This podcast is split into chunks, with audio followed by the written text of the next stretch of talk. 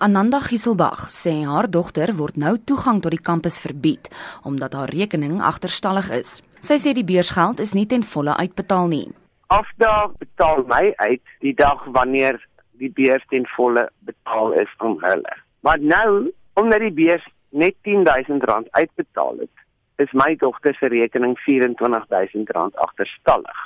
Haar studentekaart is nou geblok.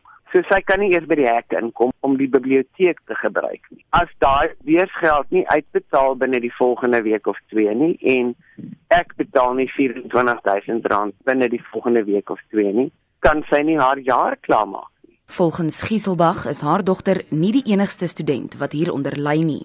Volgens die mense by die administratiewe kantoor by Afda betaal dieselfde SETA onder twee name beheerse aan studente.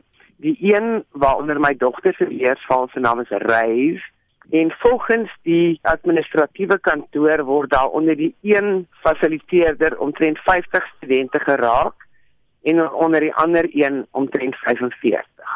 Hulle wissel van eerste tot vierde jaar studente. Dit gaan nie net oor die skuld nie, dit gaan oor as jy nie nou betaal nie, kan jy nie jou jaar klaar maar jy is 'n beursstudent en die beurs word nie uitbetaal nie. 'n Administreerder by een van die beursfasiliteite wat anoniem met Spectrum gepraat het en wat ook nie toestemming gegee het om die klankgreep te gebruik nie, sê egter die beweringe is vals. Die bron het ook gesê hulle neem nie verantwoordelikheid vir die verbod op studentekaarte en toegang tot die universiteit nie, omdat die universiteit weet dat gelde nie as 'n lompsom uitbetaal word nie.